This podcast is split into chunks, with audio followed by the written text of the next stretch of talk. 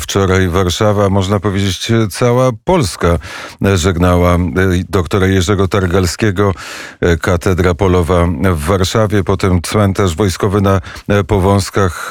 Świadkiem, uczestnikiem i przyjacielem świętej pamięci Jerzego Targalskiego był i jest Marcin Dybowski, wydawca, działacz podziemia kandydat kiedyś w Senacie, do Senatu w wyborach senackich jest przy telefonie. Dzień dobry panu.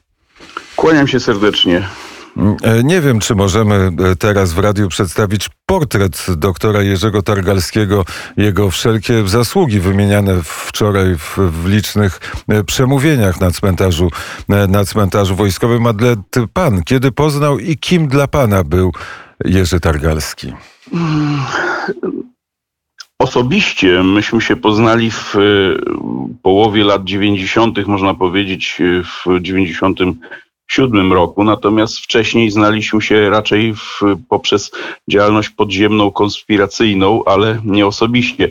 E, Jerzy był mm, przede wszystkim e, poza oczywiście wielkimi zasługami naukowymi e, czy, czy analitycznymi, przede wszystkim był po prostu antykomunistą, niepodległościowcem. On w, po stanie wojennym, po wybuchu stanu wojennego założył e, taką e, właśnie antykomunistyczną, niepodległościową partię, która się nazywała Liberalno-Demokratyczna Partia Niepodległość, tak? I był głównym y, redaktorem i ideowcem, y, założycielem właśnie takiego pisma Niepodległość. Ja z kolei poprzez konspirację y, o tyle go znałem, że właśnie z tych właśnie jego działań i ja byłem szefem oddziału lubelskiego Liberalno-Demokratycznej Partii Niepodległość. No i właśnie e, te jego e, antykomunistyczne, niepodległościowe artykuły na nas bardzo mocno oddziaływały.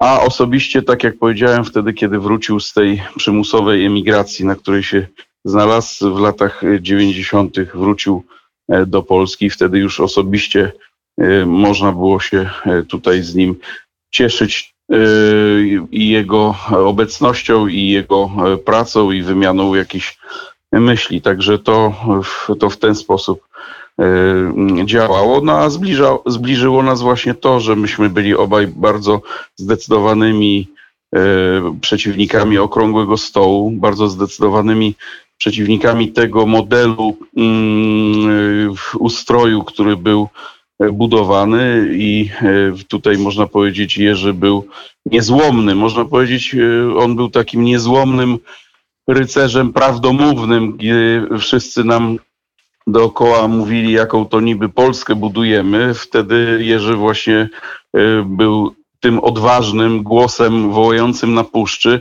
że żadnej Polski nie budujemy, tylko budujemy Uzbekistan to są słynne jego określenia właśnie na tą rzeczywistość pookrągłostołową, czyli Uzbekistan, PRL, BIS, na przykład to są właśnie jego, to są jego e, jasne, oczywiste drogowskazy i to pozwalało w jakiś sposób e, e, wielu ludziom, mm, kiedy spotykali właśnie tak człowieka niezłomnie głoszącego prawdę i i, i analizującego to, to wszystko, co się dookoła dzieje, jakby pozwalało ludziom e, no, myśleć, że nie postradaliśmy zmysłów, tak, że rzeczywiście to, co widzimy, to, co obserwujemy, po prostu żadną Polską nie jest, nie jest żadną niepodległością, nie jest żadną wolnością. Także to jest, to jest przede wszystkim jego wielka zasługa. Ja myślę o Jerzym też jako o takim Herbercie polskiej polityki, tak, tak jak Herbert latach stalinowskich pokazywał, że niekoniecznie trzeba kolaborować, żeby żyć, że niekoniecznie trzeba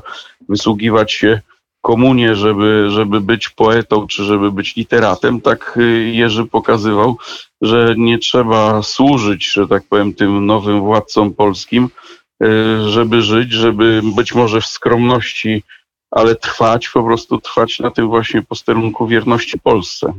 To, co wybrzmiało wczoraj na e, Powązkach, to e, Jerzy Targalski, nauczyciel, Jerzy Targalski, analityk, którego analizy trafiały na biurka e, najważniejszych, przynajmniej w czasach dobrej zmiany, najważniejszych osób mhm. w państwie, naukowiec i oczywiście działacz niepodległościowy. To są te mhm. trzy wielkie braki, które będą w polskiej nauce, analizie, szczególnie tego wszystkiego, co dzieje się e, na, na, e, na wschodzie, no i w tej postawie, o której pan e, mówił, czyli tej bezkompromisowej postawie, mm. która nie oszczędza nikogo, włącznie z politykami, którzy teraz Polską rządzą.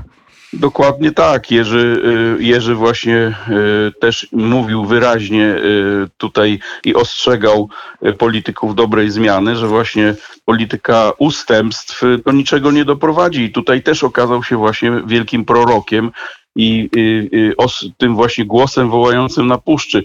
On cały czas ostrzegał, że te, ta cała polityka właśnie ustęp, zgadzania się na kolejne żądania Unii Europejskiej, że to do niczego nie doprowadzi, że to jest po prostu równia e, pochyła.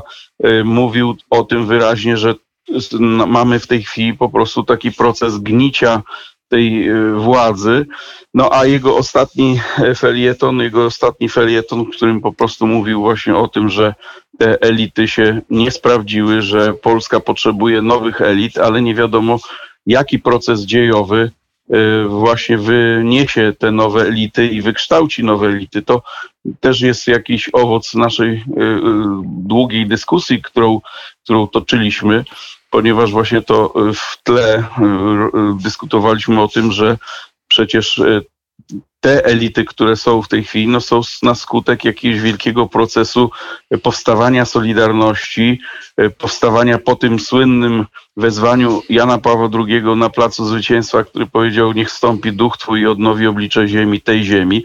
I to rzeczywiście rozpoczęło ten wielki proces, ale ten proces już się dokonał, ten proces po prostu wyniósł te elity i te, i te elity niestety zawiodły, tak, bo albo w ogóle w ogóle kompletnie e, poszły w jakąś taką lewackość, prawda, czy lewicowość, no albo nawet te tak zwane niby prawicowe, no po prostu zawiodły, nie są w stanie po prostu utrzymać tego państwa w jakiejś mm, wyżynie, tylko po prostu to jest równia, równia pochyła. No i teraz czym zastąpić te elity, tak? Skoro nie ma w tej chwili jakby na horyzoncie żadnego ważnego wydarzenia dziejowego, czy ważnego wstrząsu jakiegoś dziejowego, który mógłby po prostu doprowadzić do, do powstania tych nowych elit. On, on oczywiście to w bardzo wielkim skrócie przedstawił, bo z tych takich właśnie przemyśleń skrótowych był znany.